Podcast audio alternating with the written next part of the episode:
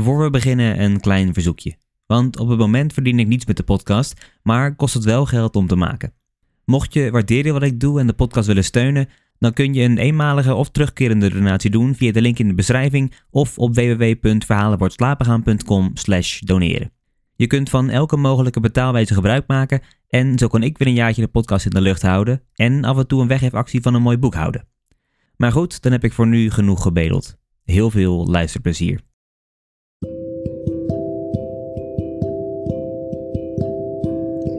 Hallo allemaal en welkom. Mijn naam is Mike en in deze aflevering lees ik het derde en het vierde hoofdstuk voor uit Multitulies Max Havelaar. Dit is Verhalen voor het slapen gaan.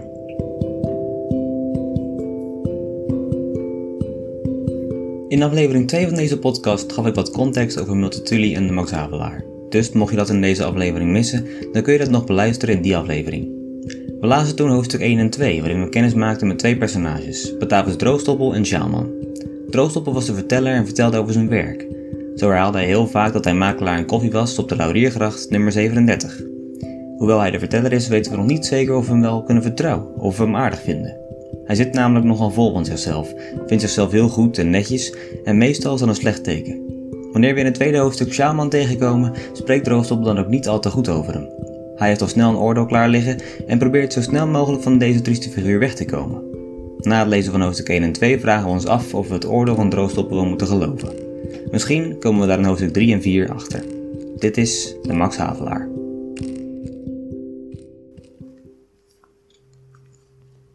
Derde hoofdstuk. Toen ik een dag daarna van de beurs kwam, zei Frits dat er iemand geweest was om mij te spreken. Naar de beschrijving was het de sjaalman. Hoe hij me gevonden had, nu ja, het adreskaartje. Ik dacht erover mijn kinderen van school te nemen, want het is lastig nog 20, 30 jaren later te worden nagezeten door een schoolkameraad die een sjaal draagt in plaats van een jas en die niet weet hoe laat het is. Ook heb ik Frits verboden naar de Westermarkt te gaan, als er kramen staan. De volgende dag ontving ik een brief met een groot pak. Ik zal u de brief laten lezen. Waarde Droogstoppel. Ik vind dat we wel eens kunnen zeggen, wel edele heer Droogstoppel, omdat ik makelaar ben. Ik ben gisteren ten uwent geweest met het doel u een verzoek te doen. Ik geloof dat gij in goede omstandigheden verkeert. Dit is waar, we zijn met ons dertien op het kantoor. En ik wenste gebruik te maken van uw krediet om een zaak tot stand te brengen die voor mij van groot gewicht is. Zou men niet denken dat het om een orde op de voorjaarsveiling te doen was? Door velelei omstandigheden ben ik op het ogenblik enigszins om geld verlegen. Enigszins. Hij had geen hemd aan. Dat noemt hij enigszins. Ik kan mijn lieve vrouw niet alles geven wat tot veraangenaming des levens nodig is en ook de opvoeding mijner kinderen is uit een geldelijk oogpunt niet zoals ik wensen zou. Veraangenaming des levens? Opvoeding van de kinderen? Meent ge dat hij voor zijn vrouw een logé in de opera huren wilde en zijn kinderen op een instituut doen te Genève? Het was najaar en vrij koud. Welnu, hij woonde op een vliering zonder vuur. Toen ik die brief ontving wist ik dit niet, maar later ben ik bij hem geweest. En thans nog ben ik verstoord over de zotte toon van zijn geschrijf. Wat drommel, wie arm is kan zeggen dat hij arm is. Armen moeten er zijn, dit is nodig in de maatschappij en het is Gods wil. Als hij mij geen aalmoes vraagt en niemand lastig valt, heb ik er volstrekt niet tegen dat hij arm is. Maar die opsiering van de zaak komt niet te pas. Luister verder. Daarop mij de verplichting rust in de behoefte der mijnen te voorzien, heb ik besloten een talent aan te wenden, dat, naar ik geloof, mij gegeven is. Ik ben dichter. Poeh, weet gelezen hoe ik en alle verstandige mensen daarover denken. En schrijver. Sedert mijn kindsheid drukte ik mijn aandoening in verzen uit, en ook later schreef ik dagelijks neder wat er omging in mijn ziel. Ik geloof dat er onder dat alles enige opstellen zijn die waarde hebben, en ik zoek daarvoor een uitgever. Maar dit is juist het moeilijke. Het publiek kent me niet en de uitgevers beoordelen de werken meer naar de gevestigde naam van de schrijver dan naar de inhoud. Juist zoals wij de koppie naar de renommee van de merken. Wel zeker, hoe anders? Als ik dus mag aannemen dat mijn werk niet geheel zonder verdienst is, zou dat toch eerst naar de uitgever blijken. En de boekhandelaars vragen de betaling van drukloon enzovoort vooruit. Daar hebben ze groot gelijk in. Wat mij op dit ogenblik niet gelegen komt, daar ik evenwel overtuigd ben dat mijn arbeid de kosten dekken zou en gerust daarop mijn woord durf te verpanden, ben ik, aangemoedigd door onze ontmoeting van voorgisteren, dat noemt hij aanmoedigen, tot het besluit gekomen u te vragen of ge voor mij bij een boekhandelaar zou willen borg staan voor de kosten ene eerste uitgave, al waren het slechts van een klein boekdeeltje. Ik laat de keus van die eerste proeven geheel aan u over. In het pak dat hier nevens gaat, zult ge vele handschriften vinden, en daaruit zien dat ik veel gedacht, gewerkt en bijgewoond heb. Ik heb nooit gehoord dat hij zaken deed. En als de gaaf van welzeggen me niet geheel en al ontbreekt, is het gewis niet door het gebrek aan indrukken dat ik niet slagen zou. In afwachting van een vriendelijk antwoord noem ik u oude schoolmakker. En zijn naam stond eronder. Maar die verzwijg ik omdat ik er niet van houd iemand in opspraak te brengen. Waarde lezer, ge begrijpt hoe gek ik stond te kijken, toen men mij daar zo opeens wilde verheffen tot makelaar en verze. Ik ben zeker dat die sjaalman, zo zal ik hem maar blijven noemen, als de man me bij dag had gezien, zich met zulk een verzoek niet tot mij zou gewend hebben. Want deftigheid en fatsoen laten zich niet verbergen. Maar het was avond en ik trek het me dus niet aan. Het spreekt vanzelf dat ik van die gekheid niets weten wilde. Ik zou het pak door Frits hebben laten terugbrengen, maar ik wist zijn adres niet en hij liet niet van zich horen. Ik dacht dat hij ziek was of dood of zoiets. De vorige week was er krans bij de Rozenmeijers die een suiker doen. Frits was voor het eerst meegegaan. Hij is 16 jaar en ik vind het goed dat een jong mens in de wereld komt. Anders loopt hij naar de Westermark of zulke dingen.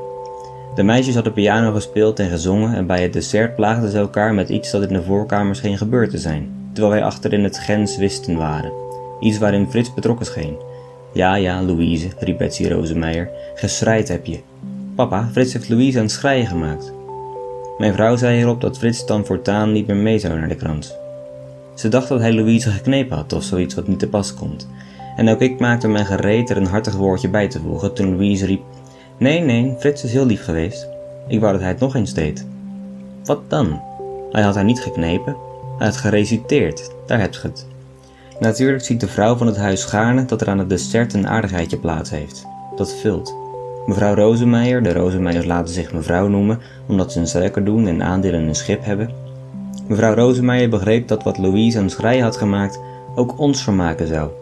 En vroeg een da capo aan Frits, die zo rood zag als een kalkoen. Ik begreep om de wereld niet wat hij dan toch opgesneden had, want ik kende zijn repertoire op een haar. Dat was de godenbruiloft, de boeken van het Oude Testament op rijm en een episode uit de bruiloft van Camacho, dat de jongens altijd zo aardig vinden, omdat er iets van een brillenkiek in komt. Wat er onder dit alles wezen kon dat tranen uitlokte, was mij een raadsel. Het is waar zo'n meisje schrijt gauw. Toe, Frits. Och ja, Frits, kom, Frits. Zo ging het en Frits begon. Daar ik niet houd van dat bestudeerd spannen van des lezers nieuwsgierigheid, zal ik maar terstond zeggen dat ze te huis het pak van Shaman hadden opengemaakt. En daaruit hadden Frits en Marie een neuswijsheid en een sentimentaliteit geput, die me later veel last in huis gehaald hebben. Toch moet ik erkennen, lezer, dat dit boek ook uit dat pak komt. En ik zal me na de hand hierop behoorlijk verantwoorden, want ik hecht eraan dat men me beschouwen als iemand die de waarheid lief heeft en die goed voor zijn zaak is. Onze firma is Last Co, makelaars in koffie, Lauriergracht nummer 37. Toen reciteerde Frits een ding dat van Monsens aan één hing. Nee, het hing niet aan één. Een jong mens schreef aan zijn moeder dat hij verliefd was geweest en dat zijn meisje met een ander getrouwd was, waarin ze groot gelijk had, vind ik, dat hij echter in weerwil hiervan altijd veel van zijn moeder hield. Zijn deze laatste drie regels duidelijk of niet? Vindt ge dat er veel omslag nodig is om dat te zeggen? Welnu, ik heb een broodje met kaas gegeten. Daarna twee peren geschild en ik was ruim half gereed met het orberen van de derde voor Frits klaar was met die vertelling. Maar Louise strijde weer en de dames zeiden dat het heel mooi was. Toen vertelde Frits, die, geloof ik, meende dat hij een groot stuk had uitgevoerd, dat hij het ding in dat pak had gevonden van de man die een sjaal droeg, en ik legde aan de heren uit hoe dat in mijn huis kwam. Maar van de Griekin sprak ik niet, omdat Frits erbij was, en ook zeide ik niet van de kapelsteeg. Ieder vond dat ik heel goed had gehandeld me van die man af te helpen. Straks zult gezien dat er ook andere dingen in het pak waren, van meer solide aard, en daarvan komt een en ander in dit boek, omdat de koffieveilingen van de handelsmaatschappij ermee in verband staan. Want ik leef voor mijn vak. Later vroeg mij de uitgever of ik hier niet bijvoegen wilde wat Frits gereciteerd had. Ik wil het wel doen, mits men weet dat ik me niet ophoud met zulke dingen. Alles leugens en gekheid. Ik hou mijn aanmerkingen terug, anders wordt mijn boek te dik. Ik wil hier alleen bij zeggen dat die vertelling zo omstreeks 1843 in de buurt van Padang geschreven is. En dat dit een inferieur merk is. De koffie, meen ik. Moeder, ik ben wel ver van het land, waar met leven werd geschonken, waar mijn eerste tranen blonken, waar ik opwies aan uw hand, waar uw moeder trouw der ziel van de knaap haar zorgen weide. En hem liefdruk stond terzijde, en hem ophief als hij viel, schijnbaar scheurde het lot de banden, die ons bonden vreed vaneen, ik sta hier wel aan vreemde stranden met mezelf en God alleen, Maar toch, moeder, wat me griefde, wat me vreugd gaf of verdriet. Moeder, twijfel aan de liefde, aan uw hart uw zoons toch niet. Het is nog nauwelijks twee paar jaren, toen ik laatst op ginse grond zwijgend aan den oever stond, om de toekomst in te staren. Toen ik het schone top mij riep, dat ik van de toekomst wachtte, en het heden stout verachtte, en mijn paradijzen schiep, toen door alle stoornis heen die zich opdeed voor mijn schreen, het hart zich koen een uitweg baande, en zich dromen zalig waande. Maar die tijd sinds laatst vaarwel, hoe gezwind ook ons ontogen, onbevatbaar snel als een schim voorbij gevlogen. O, hij liet in het voorwaarts gaan diepe, diepe sporen staan. Ik proefde vreugde en smart meteen. Ik heb gedacht en ik heb gestreden, ik heb gejuicht en ik heb gebeden. Het is me als vlogen eeuwen heen, ik heb haar levenshel gestreefd. Ik heb gevonden en verloren en een kind nog kort tevoren, jaren in één uur doorleefd. Maar toch, moeder, wilt geloven, bij de hemel die mij ziet. Moeder wil het toch geloven, nee, uw kind vergat u niet. Ik minde een meisje, heel mijn leven scheen mij door die liefde schoon. Ik zag er in een erekroon als een eindloon van mijn streven, mij door God ten doel gegeven. Zalig door die reine schat, die zijn zorg mij toegewogen, die zijn gunst geschonken had, dankte ik met een traan in de ogen. Liefde was met godsdienst één, en het gemoed het opgetogen dankend opsteeg tot de hoge, dankte en bad voor haar alleen. Zorgen baarde mij die liefde, onrust kwelde mij het hart, en ondraaglijk was de smart die mij het week gemoed doorgriefde. Ik heb slechts angst en leed gegaard, waar ik het hoogst genot verwachtte, en voor het hel waarnaar ik trachtte, was mijn gif en wee bewaard. Ik vond genot in het lijdend zwijgen, ik stond standvastig hopend daar, ons spoed deed de prijs mij stijgen, ik droeg een leed zo graag voor haar. Ik telde ram nog onspoedslagen, vreugde schiep ik in verdriet, alles, alles wilde ik dragen, roofde het lot mij haar slechts niet. En dat beeld, mij het schoonst op aarde, dat ik omdroeg in tegemoet, als een onwaardeerbaar goed. En zo trouw in het hart bewaarde, vreemd was het eenmaal aan mijn zinnen. En al houdt die liefde stand, tot de laatste snik van het leven in een beter vaderland, eindelijk haar zal wedergeven, had begonnen haar te minnen. Wat is min die eens begon, bij de liefde met het leven, het kind door God in het hart gedreven, toen het nog niet eens kon, toen het aan de moeders borst nauw de moeders schoot onttogen, het eerste vocht vond voor de dorst, het eerste licht in moederogen? Nee, geen band die vaster bindt, vaster harten houdt omsloten, dan de band door God gesloten tussen het moederhart en het kind. En een hart dat zo zich hechtte aan het schoon dat even blonk, dat me niets dan doornen schonk en geen enkel bloempje vlechten, zou datzelfde hart de trouw van het moederhart vergeten en de liefde van de vrouw die mijn eerste kinderkreten opving in bezorgd gemoed, die mij als ik weende suste, traantjes van de wangen kuste, die mij voedde met haar bloed? Moeder wil het niet geloven, bij de hemel die mij ziet. Moeder wil het niet geloven, nee, uw kind vergat u niet. Ik ben hier ver van wat het leven ginds ons zoet en schoons kan geven, en het genot van de eerste jeugd, vaak geroemd en hoog geprezen, kan wel hier mijn deel niet wezen, het eenzaam hart kent geen vreugd. Steil en doornig zijn mijn paden, onspoed drukt me diep ter neer, en de last mij opgeladen knelt me en doet het hart me zeer. Laat het slechts mijn tranen tuigen, als zo menig moedloos uur, me in de boezem der natuur het hoofd zo treurig neer doet buigen. Vaak als mij de moed ontzonk, is de zucht me schier ontvloden. Vader, schenk me bij de doden, wat het leven mij niet schonk. Vader, geef me aan gene zijde, als de mond des doods mij kust. Vader, geef me aan gene zijde, wat ik hier niet smaakte, rust. Maar bestervend op mijn lippen, steeg de benen niet tot de Heer. Ik boog me bij mijn knieën neer, ik voelde wel een zucht me ontglippen. Maar het was nog niet, o Heer, geef mij eerst mijn moeder weer. Vierde hoofdstuk. Voor ik verder ga moet ik u zeggen dat de jonge Stern gekomen is. Hij is een aardig ventje, hij schijnt vlug en bekwaam, maar ik geloof dat hij spermt. Marie is 13 jaar. Zijn uitziet is heel netjes. Ik heb hem aan het kopijboek gezet om zich te oefenen in de Hollandse stijl. Ik ben benieuwd of er spoedig orders van Ludwig Stern zullen komen. Marie zal een paar pantoffels voor hem borduren, voor de jonge Stern meen ik. Busselink en Waterman hebben achter het net gewist. En fatsoenlijk makelaar onderkruipt niet. Dat zeg ik. De dag na het krantje bij de Rozenmeijers die een suiker doen, riep ik Frits en gelaste hem mij het pak van Sjaalman te brengen. Ge moet weten lezen dat ik in mijn gezin zeer stit ben met godsdienst en zedelijkheid. Wel nu de vorige avond, juist toen ik mijn eerste peer had geschild, las ik op het gelaat van een der meisjes dat er iets in dat vers voorkwam dat niet te pluizen was.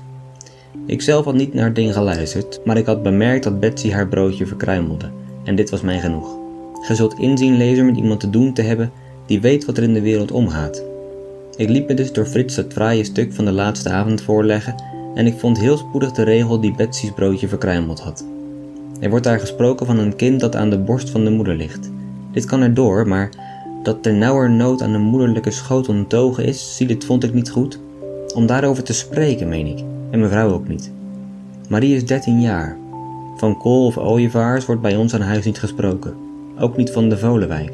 Maar zo de zaken bij de naam te noemen vind ik onbehoorlijk, omdat ik zo op zedelijkheid gesteld ben. Ik deed Frits, die dat ding nu eenmaal uitwendig wist, zoals Stern dit noemt, beloven dat hij het nooit weer opzeggen zou. Althans niet voor hij lid van Doctrina wezen zal, omdat daar geen jonge meisjes komen. En toen borg ik het in mijn lessenaar, het vers meen ik. Maar ik moest weten of er niet meer in dat pak was dat aanstoot geven kon. Daar ging ik aan het zoeken en bladeren. Alles lezen kon ik niet, want ik vond er talen in die ik niet verstond. Maar zie, daar viel mijn oog op een bundel. Verslag over de koffiecultuur in de residentie Menado. Mijn hart sprong op omdat ik makelaar in koffie ben, Lauriergracht nummer 37, en Menado is een goed merk. Dus die sjaalman die zulke onzedelijke versie maakte, had ook in koffie gewerkt. Ik zag nu het pak met een heel ander oog aan en vond er stukken in die ik wel niet alle begreep, maar die werkelijk kennis van zaken aantoonden. Er waren staten, opgaven, berekeningen met cijfers waaraan geen rijm te bekennen was en alles was met zulke zorg en nauwkeurigheid bewerkt dat ik, ronduit gezegd, want ik houd van de waarheid, op het denkbeeld kwam dat die sjaalman, als de derde klerk eens uitviel, wat gebeuren kan daar hij oud en stunterig wordt, heel goed diens plaats zou kunnen innemen. Het spreekt vanzelf dat ik eerst de informatie nemen zou naar eerlijkheid, geloof en fatsoen, want ik neem niemand op het kantoor voor ik daarvan zeker ben. Dit is een vast principe van me. Gij hebt het gezien uit mijn brief aan Ludwig Stern. Ik wilde voor Frits niet weten dat ik enig belang begon te stellen in de inhoud van dat pak en stuurde hem daarom weg. Het werd me inderdaad duizelig toen ik zo de ene bundel voor de andere na opnam en de opschriften las. Het is waar, er waren veel versen onder, maar ik vond heel nuttigs ook en ik stond verbaasd over de verscheidenheid der behandelde onderwerpen. Ik erken, want ik houd van de waarheid, dat ik, die altijd de koffie gedaan heb, niet in staat ben de waarde van alles te beoordelen. Maar ook zonder deze beoordeling, de lijst der opschriften alleen, was reeds curieus. Daar ik u de geschiedenis van de Griek verteld heb, weet gij reeds dat ik in mijn jeugd enigszins ben gelatiniseerd geworden. En hoezeer ik mijn correspondentie onthoud van alle citaten, wat op een makelaarskantoor ook niet te pas komen zou, dacht ik echter bij het zien van het alles multa non multum, of de omnibus aliquid, de toto nihil. Maar dit was eigenlijk meer een soort van brevel, en uit zekere aandrang om de geleerdheid die voor mij lag, in het Latijn aan te spreken, dan wel omdat ik het precies meende. Want waar ik het een of ander stuk wat langer inzag, moest ik erkennen dat de schrijver me toescheen wel op de hoogte van zijn taak te staan. En zelfs dat hij een grote soliditeit in zijn redenering aan de dag legde. Ik vond daar verhandelingen en opstellen over het Sanskrit als moeder met de Germaanse taaltakken, over de strafbepalingen op kindermoord, over de oorsprong van de adel, over het verschil tussen de begrippen oneindige tijd en eeuwigheid, over de kansrekening, over het boek van Job. Ik vond nog iets over Job, maar dat waren verzen. Over proteïne in de atmosferische lucht, over de staatkunde van Rusland, over de klinkletters, over cellulaire gevangenissen, over de oude stellingen omtrent het horror over de wenselijkheid der afschaffing van strafbepaling op laster, over de oorzaken van de opstand der Nederlanders tegen Spanje, niet liggende in de begeerte naar godsdienstige of staatkundige vrijheid, over het perpetuum mobile, de cirkelkwadratuur en de wortel van worteloze getallen, over de zwaarte van het licht, over de achteruitgang der beschaving sedert het ontstaan des christendoms, hè? over de IJslandse mythologie, over de Emile van Rousseau, over de civiele rechtsvordering in zaken van koophandel, over Sirius als middelpunt van het zonnestelsel, over inkomende rechten als ondoeltreffend, onkies, onrechtvaardig en onzedelijk, daarvan had ik nooit iets gehoord, over vers als oudste taal, dat geloof ik niet, over witte mieren, over het tegennatuurlijke van schoolinrichtingen, over de prostitutie en het huwelijk, dat is een schandelijk stuk, over hydraulische onderwerpen in verband met de rijstcultuur, over het schijnbaar overwicht der westerse beschaving, over kadaster, registratie en zegel, Over kinderboekjes, fabels en sprookjes, dit wil ik wel eens lezen omdat hij op waarheid aandringt. Over bemiddeling in de handel, dit bevalt me volstrekt niet. Ik geloof dat hij de makelaars wil afschaffen, maar ik heb het toch terzijde gelegd omdat er een en ander voorkomt dat ik gebruiken kan voor mijn boek. Over successierecht, een der beste belastingen. Over de uitvinding der kuisheid, dit begrijp ik niet. Over vermenigvuldiging. Deze titel klinkt heel eenvoudig, maar er staat veel in dat stuk waaraan ik vroeger niet gedacht had. Over zeker soort van geest der Fransen, een gevolg der armoede van hun taal. Dit laat ik gelden, geestigheid en armoede, hij kan het weten. Over het verband tussen de roman van Auguste Lafontaine en de Tering. Dit wil ik eens lezen, omdat er van die Lafontaine boeken op zolder liggen. Maar hij zegt dat de invloed zich eerst openbaart in het tweede geslacht. Mijn grootvader las niet. Over de macht der Engelsen buiten Europa, over het godsgericht in de middeleeuwen en thans, over de rekenkunde bij de Romeinen, over armoede aan poëzie bij toonzetters, over pietisterie, biologie en tafeldans, over besmettelijke ziekte, over de Moorse boutrand, over de kracht der vooroordelen, blijkbaar uit ziekte die door tocht veroorzaakt heette te zijn. Heb ik het niet gezegd dat die lijst curieus was? Over de Duitse eenheid, over de lengte op zee, ik denk dat op zee alles wel even lang zal wezen als op het land, over de plichten van de regering omtrent publieke vermakelijkheden, over de overeenstemming tussen de Schotse en Friese talen, over prosodie, over de schoonheid der vrouwen te Nimes en te Arles, met het onderzoek naar het stelsel van kolonisatie der Phoeniciërs, over landbouwcontracten op Java, over het zuigvermogen van een nieuw modelpomp, over legitimiteit van dynastieën, over de volksletterkunde in Javaanse rapsoden, over de nieuwe wijze van reven, over de percussie toegepast op handgranaten, dit stuk dateert uit 1847, dus van voor Orsini, over het begrip van eer, over de apocryfe boeken, over de wetten van Solon, Lycurgus, Zoroaster en Confucius, over de ouderlijke macht, over Shakespeare als geschiedschrijver, over de slavernij in Europa, wat hij hiermee bedoelt begrijp ik niet, nu zo is er meer, over schroefwatermolens, over het soeverein recht van gratie, over de chemische bestanddelen der Ceylonse kaneel, over de tucht op koopvaardijschepen,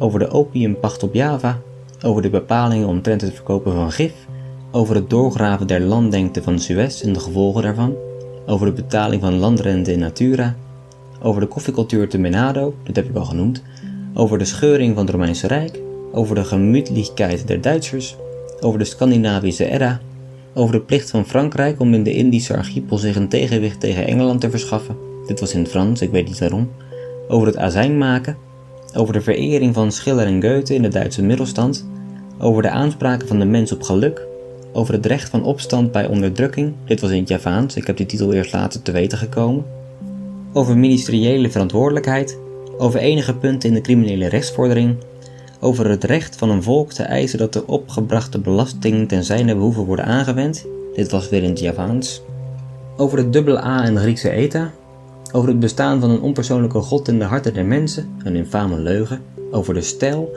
over een constitutie voor het Rijk in Celinde, ik heb nooit van het Rijk gehoord, over het gebrek aan evelkustiek in onze taalregels, over pedanterie, ik geloof dat het stuk met veel kennis van zaken geschreven is, over de verplichting van Europa aan de Portugezen, over bosgeluiden, over brandbaarheid van water, ik denk dat hij sterkwater bedoelt, over de Melkzee, ik heb daarvan nooit gehoord, het schijnt iets in de nabijheid van Banda te zijn, over zieners en profeten, over elektriciteit als beweegkracht zonder weekijzer, over ebbe en vloed der beschaving, over epidemisch bederf en staathuishoudingen, over bevoorrechte handelsmaatschappijen, hier komt een en ander voor dat ik nodig heb voor mijn boek, over etymologie als hulpbron bij etnologische studieën, over de vogelnestklippen aan de Javaanse zuidkust, over de plaat waar de dag aanvangt, dit begrijp ik niet, over persoonlijke begrippen als maatstaf der verantwoordelijkheid in de zedelijke wereld, bespottelijk. Hij zegt dat ieder zijn eigen rechter moet wezen. Waar zou dat heen?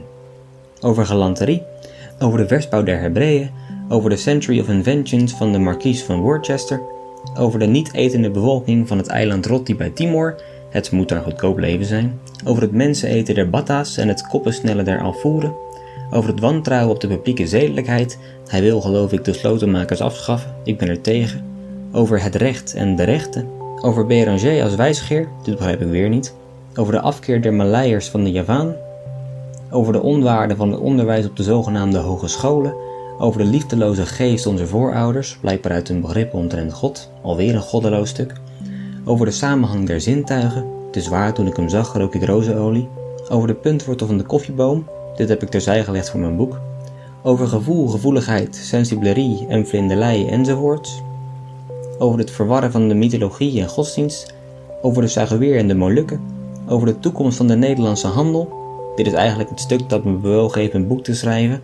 Hij zegt dat er niet altijd zulke grote koffieveilingen zullen gehouden worden en ik leef voor mijn vak. Over Genesis, een infaam stuk. Over de geheime genootschappen der Chinezen. Over het tekenen als natuurlijk schrift. Hij zegt dat een pasgeboren kind tekenen kan. Over waarheid en poëzie, wel zeker. Over de impopulariteit der rijstpalmolens op Java. Over het verband tussen poëzie en mathematische wetenschappen. Over de wajangs der Chinezen. Over de prijs van de Java-koffie, dit heb ik terzijde gelegd. Over een Europees muntstelsel. Over besproeiing van gemene velden. Over de invloed van de vermenging van rassen op de geest.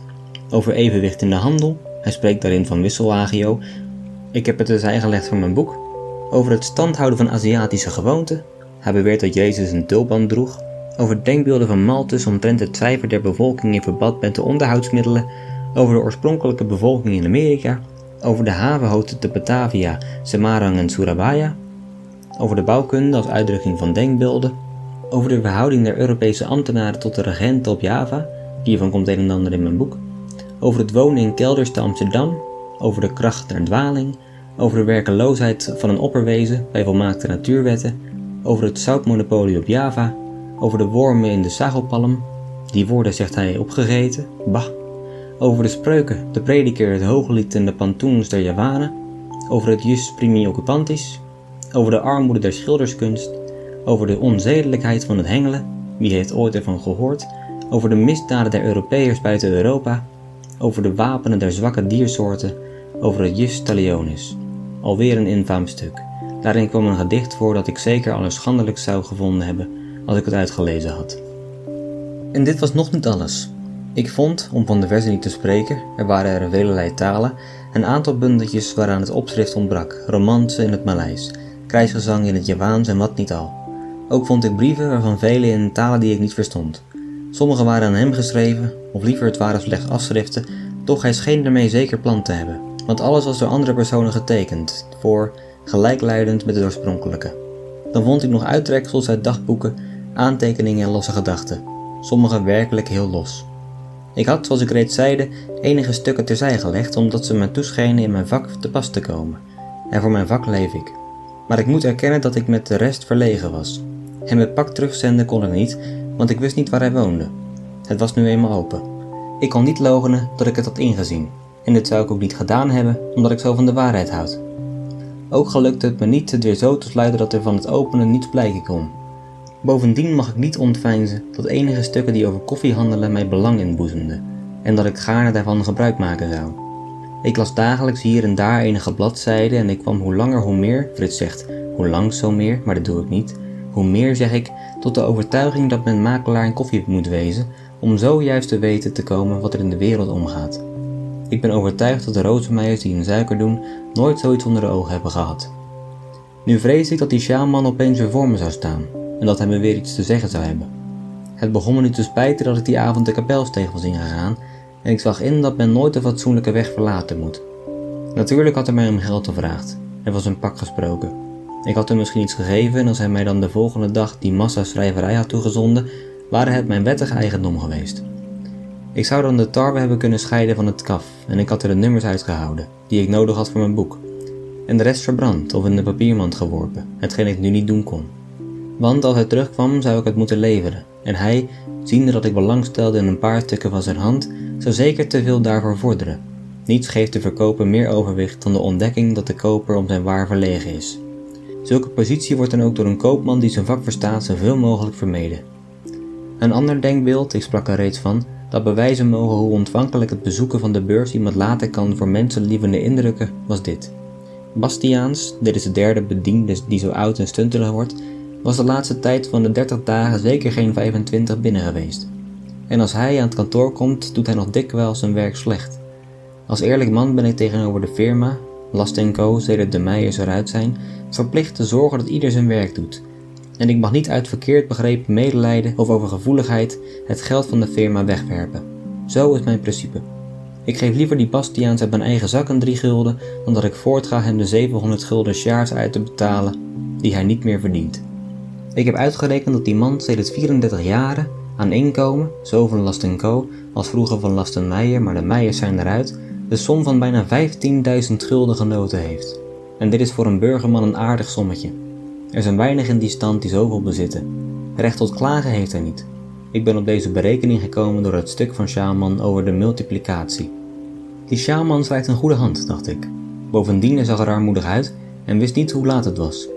Hoe zou het wezen, dacht ik, als ik hem de plaats van Bastiaans gaf? Ik zou hem in dat geval zeggen dat hij mij meneer moest noemen, maar dit zou hij zelf wel begrijpen, want een bediende kan toch zijn patroon niet bij de naam aanspreken en hij waren misschien voor zijn leven geholpen. Hij zou kunnen beginnen met 4 of 500 schulden. Onze Bastiaans heeft ook lang gewerkt voor hij tot 200 opklom en ik had een goede daad gedaan. Ja, met 300 schulden zou hij wel kunnen beginnen, want daar hij nooit in zaken geweest is, zou hij de eerste jaren als leertijd kunnen beschouwen. Wat dan ook billig is, want hij kan zich niet gelijkstellen met mensen die veel gewerkt hebben. Ik ben zeker dat hij met 200 schulden tevreden zou zijn. Maar ik was niet gerust over zijn gedrag. Hij had een sjaal om. En bovendien, ik wist niet waar hij woonde. Een paar dagen daarna waren de jonge Stern en Frits tezamen op een boekverkoping geweest in het Wapen van Bern. Ik had Frits verboden iets te kopen, maar Stern, die ruim zakgeld heeft, kwam met enige prullen thuis. Dit is een zaak. Doch zie, daar vertelde Frits dat hij Sjaalman gezien had, die bij de verkoping geëmployeerd scheen. Hij had de boeken uit de kasten genomen en die op de lange tafel voortgeschoven naar de afslager. Frits zei dat hij zeer bleek zag en dat een heer die daar het opzicht scheen te hebben hem bekeven had, omdat hij een paar jaargangen van de Aglaia had laten vallen. Wat ik dan ook zeer onhandig vind, want dit is een allerliefste verzameling van dameshandwerken. Marie heeft het samen met de Rozenmeijers die in suiker doen. Ze knoopt er iets uit, uit de Aglaia meen ik. Maar onder dat kijven had Frits gehoord dat hij 15 stuivers daads verdiende. Denk je dat ik van plan ben 15 stuivers daags in jouw weg te gooien? had hij hier gezegd. Ik rekende uit dat 15 stuivers daags, ik denk dat de zon- en feestdagen niet meetellen, anders had hij een maand of jaargeld genoemd, 225 gulden sjaars uitmaken. Ik ben snel in mijn besluiten, als men zo lang in zaken is, weet men altijd terstond wat men te doen heeft, en de volgende morgen vroeg was ik bij Gaafzuiger. Zo heet de boekhandelaar die de verkoping gehouden had. Ik vroeg naar de man die de Aglaia had laten vallen. Die heeft een congé, zei Gaafzuiger. Hij was lui, pedant en ziekelijk. Ik kocht een doosje ouwels en besloot terstond het met onze Bastiaans nog wat aan te zien. Ik kon er niet toe besluiten een oud man zo op straat te zetten. Streng, maar waar het wezen kan zachtmoedig, is altijd mijn principe geweest. Ik verzuim echter nooit iets te vernemen wat te pas kan komen in de zaken, en daarom vroeg ik aan gaafzuiger waar die shaman woonde. Hij gaf mij het adres en ik schreef het op. Ik peinsde gedurig over mijn boek, maar daar ik van waarheid houd, moet ik ronduit zeggen dat ik niet wist hoe ik het daarmee zou aanleggen. Eén ding staat vast. De bouwstoffen die ik in Sjaalmans pak gevonden had, waren belangrijk voor de makelaars in koffie. De vraag was maar hoe ik handelen moest om die bouwstoffen behoorlijk te schiften en bijeen te brengen. Ieder makelaar weet van hoeveel gewicht een goede sortering der kabelingen is. Maar schrijven, buiten de correspondentie met de principalen, ligt zo niet in mijn kring. En toch voelde ik dat ik schrijven moest, omdat misschien de toekomst van het vak ervan afhangt. De inlichtingen die ik in de bundels van Sjaalman vond, zijn niet van die aard dat Last Co. het nut daarvan voor zich alleen kunnen houden. Als het zo ware, begrijpt ieder dat ik niet de moeite zou nemen een boek te laten drukken dat Busselink en Waterman ook te lezen zou krijgen. Want wie een concurrent op de weg helpt is een gek. Dit is een vast principe van me. Nee, ik zag in dat er een gevaar dreigt dat de hele koffiemarkt bederven zou. Een gevaar dat alleen door de vereende krachten van de makelaars kan worden afgeweerd. En zelfs is het mogelijk dat deze krachten daartoe niet eens voldoende zijn. En dat ook de suikerraffinadeurs, Frits zegt raffineurs, maar ik schrijf nadeurs, dit doen de rozemeijers ook, en die doen in suiker. Ik weet wel dat men zegt geraffineerde schelm, maar niet geraffinadeerde schelm, maar dit is omdat ieder die met schelmen te doen heeft zich zo kort mogelijk van de zaak afhelpt. Dat ook de raffinadeurs dan en de handelaren in indigo hebben nodig zullen wezen. Als ik zo als schrijvende nadenk, komt het me voor dat zelfs de scheepsrederijen er enigszins in betrokken zijn. En de koopvaardijenvloot, zeker, dit is waar. En de zeilmakers ook, en de minister van Financiën, en de armbestuur, en de andere ministers, en de pasteibakkers, en de galanteriekramers, en de vrouwen, en de scheepsbouwmeesters, en die groothandelaars, en die in het klein verkopen, en de huisbewaarders, en de tuinlui. En zonderling toch goede gedachten onder het schrijven iemand opkomen, mijn boek gaat ook de molenaars aan, en de dominees, en hen die Holloway-pillen verkopen, en de likeurstokers, en de pannenbakkers, en de mensen die van staatsschuld leven, en de pompenmakers, en de touwslagers, en de wevers, en de slachters, en de klerk op een makelaarskantoor, en de aandeelhouder van de Nederlandse handelsmaatschappij, en eigenlijk, wel beschouwd, alle anderen ook. En de koning ook. Ja, de koning vooral. Mijn boek moet de wereld in. Hiertegen is niets te doen. Laat dan Busselink en Waterman het ook te lezen krijgen. Afgunst is mijn zaak niet. Maar knoeiers en onderkruipers zijn ze, dit zeg ik. Ik heb het vandaag nog aan de jonge Stern gezegd, toen ik hem in Artis introduceerde.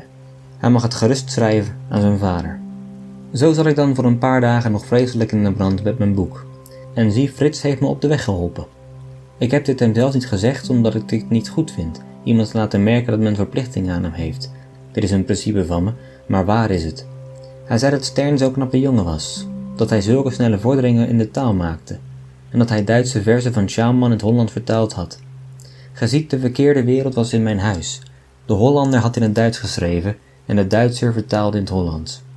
Als ieder zich bij zijn eigen taal had gehouden, zou er moeite gespaard zijn. Maar, dacht ik, als ik mijn boek door die Stern schrijven liet. Als ik er wat bij te voegen heb, schrijf ik zelf van tijd tot tijd een hoofdstuk. Frits kan ook helpen. Hij heeft een lijstje van woorden die met twee e's geschreven worden en Marie kan alles in het net schrijven. Dit is meteen voor de lezer een waarborg tegen alle onzedelijkheid. Want dit begrijpt ge toch dat een fatsoenlijk makelaar zijn dochter niets in handen geven zal, wat niet strookt met zeden en fatsoen. Ik heb toen de beide jongens over mijn plan gesproken, en ze vonden het goed. Alleen scheen Stern, die een tint van een letterkunde over zich heeft, zoals veel Duitsers, stem te willen hebben in de wijze van uitvoering. Dit beviel me nu wel niet zeer, maar omdat de voorjaarsveiling op hand was en ik van Ludwig Stern nog geen orders heb, wilde ik hem niet te sterk contrariëren. Hij zei dat, als de borst hem gloeide van gevoel voor het ware en schone, geen macht ter wereld hem beletten kon de tonen aan te slaan die met zulke gevoel overeenstemmen, en dat hij veel liever zweeg dan zijn woorden omklemd te zien door de onterende kluisters der alledaagsheid. Frits zegt, scheid, maar dat doe ik niet. Het woord is lang genoeg zo. Ik vond het nu al heel gek van Stern, maar mijn vak gaat me voor alles, en de oude is een goed huis. We stelden dus vast 1. Dat hij alle weken een paar hoofdstukken zou leveren voor mijn boek. 2. Dat ik in zijn geschrijf niets zou veranderen. 3. Dat Frits de taalfouten verbeteren zou. 4. Dat ik nu en dan een hoofdstuk schrijven zou om aan het boek een solide voorkomen te geven. 5. Dat de titel wezen zou De koffieveilingen der Nederlandse Handelsmaatschappij. 6. Dat Marie het net afschrift zou maken voor de druk, maar dat men geduld met haar hebben zou als de was kwam. 7 dat de afgewerkte hoofdstukken elke week op de krant zouden worden voorgelezen. 8. Dat alle onzedelijkheid zou worden vermeden. 9. Dat mijn naam niet op de titel zou staan omdat ik makelaar ben. 10. Dat Stern een Duitse, een Franse en een Engelse vertaling van mijn boek zou mogen uitgeven, omdat, zo beweerde hij, zulke werken beter in het buitenland worden begrepen dan bij ons. 11.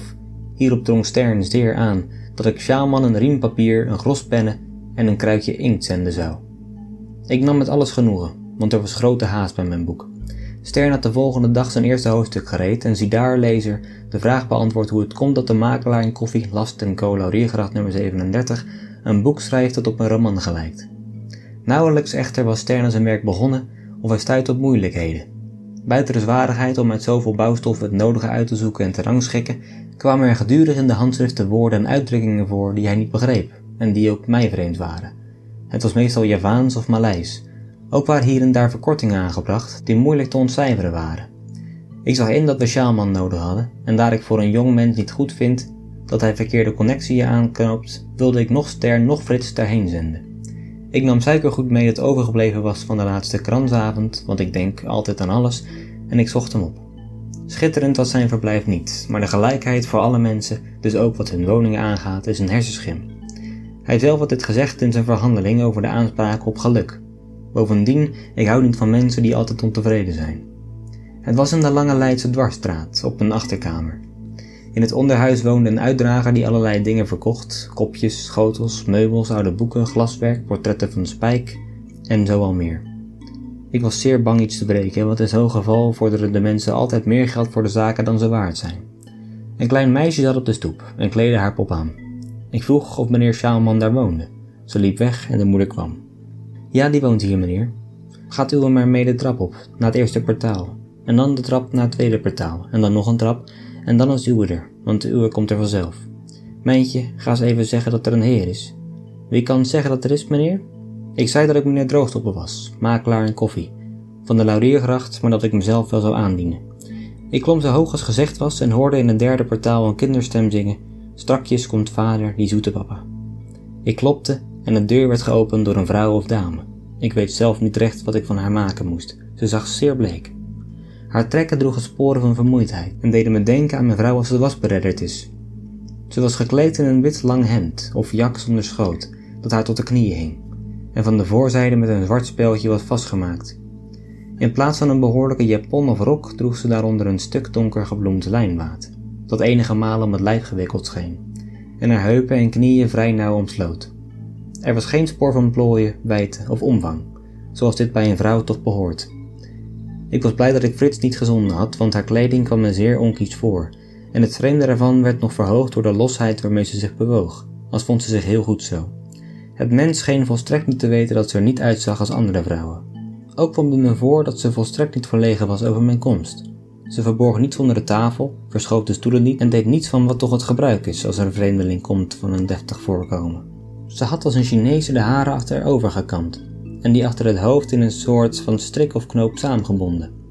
Later heb ik vernomen dat haar kleding een soort van Indische dracht is, die ze daar te landen sarong en kabai noemen, maar ik vond het heel lelijk. Is u juffrouw Sjaalman? vroeg ik. Wie heb ik de eer te spreken? zeide zij, en wel op een toon waarin iets lag, alsof ook ik wat eer had moeten brengen in mijn vraag. Nu, van complimenten houd ik niet. Met een principaal is dit wat anders en ik ben te lang bij de zaak om mijn wereld niet te kennen. Maar om daar veel omslag te verkopen op een derde verdieping vond ik niet nodig. Ik zei dus kortaf dat ik meneer Droogstoppel was, makelaar in koffie, Lauriergracht nummer 37, en dat ik haar man spreken wilde. Wel ja, waarom zou ik omslag maken? Zij wees mij een matte stoeltje aan en nam een klein meisje op schoot dat op de grond zat te spelen. De kleine jongen die ik had horen zingen zag me strak aan en bekeek me van het hoofd tot de voeten. Die scheen ook volstrekt niet verlegen.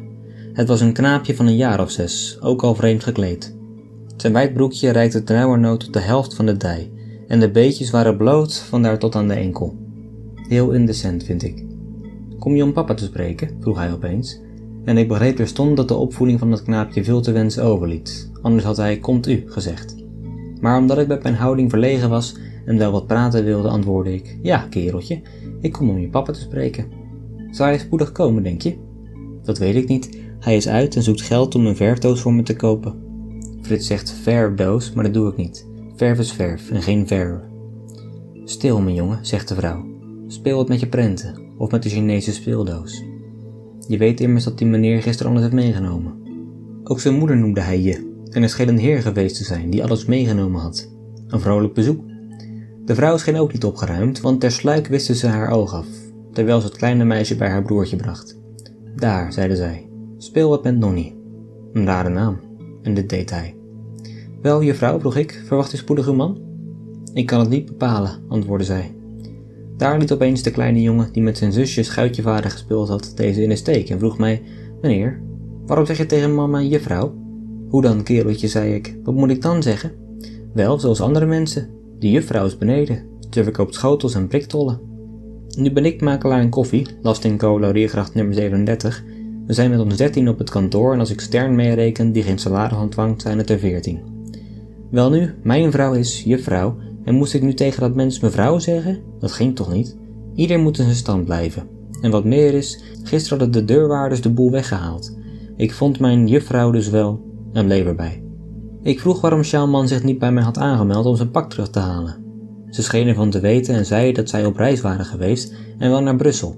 Dat hij daar voor de Independance gewerkt had, maar dat hij er niet had kunnen blijven, omdat zijn artikels oorzaak waren dat het blad aan de Franse grenzen zo dikwijls werd afgewezen dat ze sedert enige dagen in Amsterdam teruggekeerd waren, omdat Sjaalman hier een betrekking zou krijgen. Zeker bij Gaafzuiger, vroeg ik. Ja, dat was het. Maar dit was tegengelopen, zeide zij. Nu, hiervan wist ik meer dan zijzelf. Hij had de Aglaya laten vallen en was lui, pedant en ziekelijk. Precies daarom was hij weggejaagd. En ging ze voort dat hij zeker deze dagen bij mij komen zou en misschien wel juist naar mij toe was om antwoord te vragen op het verzoek dat hij mij gedaan had. Ik zei dat Shaman maar eens komen zou, maar dat hij niet moest schellen, want dit is zo lastig voor de meid. Als hij wat wachtte, zei ik, zou de deur wel eens opengaan, als er iemand uit moest. En toen ging ik heen en nam mijn bruidsuikers weer mee, want ronduit gezegd, het beviel me daar niet. Ik voelde me niet op mijn gemak. Een makelaar is toch geen kruier, denkt me, en ik beweer dat ik er fatsoenlijk uitzie. Ik had mijn jas met bont aan en toch zat ze daar zo eenvoudig en praatte zo kalm met haar kinderen alsof ze alleen was. Bovendien ze scheen geschreid te hebben, en ontevreden mensen kan het niet verdragen. Ook was het er koud en ongezellig. zeker omdat de boel weggehaald was. En ik houd veel van gezelligheid in een kamer. Onder het naar huis gaan besloot ik er met Bastiaans nog eens aan te zien, omdat ik niet gaarne iemand op straat zet. Nu volgt de eerste week van Stern. Het spreekt vanzelf dat er veel in voorkomt dat me niet bevalt, maar ik moet me houden aan artikel 2 en de Rozenmeijers hebben het goed gevonden. Ik geloof dat ze Stern in de hoogte steken omdat hij een oom heeft te Hamburg die een suiker doet. Schaalman was er inderdaad geweest. Hij had Stern gesproken en aan deze enige woorden en zaken uitgelegd die hij niet begreep. Die Stern niet begreep, meen ik. Ik verzoek nu de lezer de volgende hoofdstukken door te bijten. Dan beloof ik naderhand weer iets van meer solide aard. Van mij. Batavus Droogstoppel, Makelaar en Koffie, Last Co, Lauriergracht, nummer 37.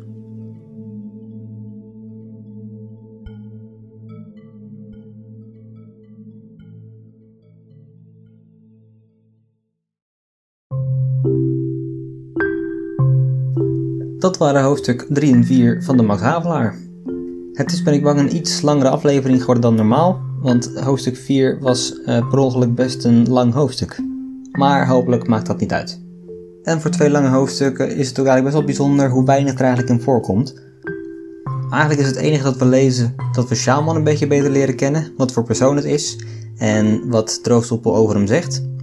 En hoe Droogstoppel stoeit met het idee van hoe hij zijn, zijn boek tussen haakjes uh, gaat inrichten. Dat is ook wel een interessant iets dat hij het constant heeft over zijn boek, niet Shamans boek. Want het is immers gebaseerd door het pak dat hij krijgt van Shaman. En eigenlijk is het dus zo goed als allemaal opgebouwd uit het werk van Shaman, maar het is wel zijn boek. En vervolgens laat hij ook nog eens het grootste deel van het boek schrijven door Stern. En voegt hij zelf af en toe ook nog een hoofdstuk toe. Maar toch is het wel zijn boek, blijkbaar.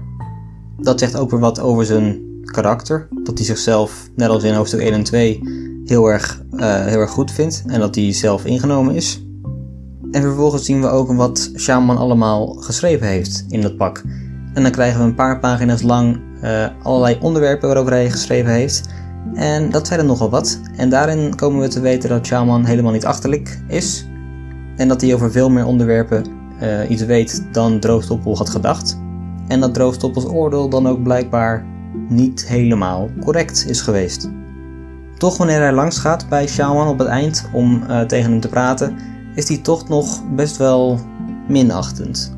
Hij vindt het huis maar suf en koud en uh, de mensen vindt hij onzedelijk. Zo vraagt hij zich af waarom het kind uh, je zegt in plaats van u. En hij vindt het allemaal maar een, ja, een beetje een, een tokkie-familie of zo. Dus ja, dat is hoofdstuk 3 en 4 eigenlijk samengevat we gaan Droogstoppel, althans ik ga Droogstoppel steeds minder aardig vinden. En ik krijg ook steeds meer sympathie voor Sjaalman. Hoe zich dat gaat ontwikkelen, dat zien we allemaal in de volgende hoofdstukken die zijn geschreven door Ster, dus met Ster als verteller. Maar goed, daar zullen we dus pas later achter komen.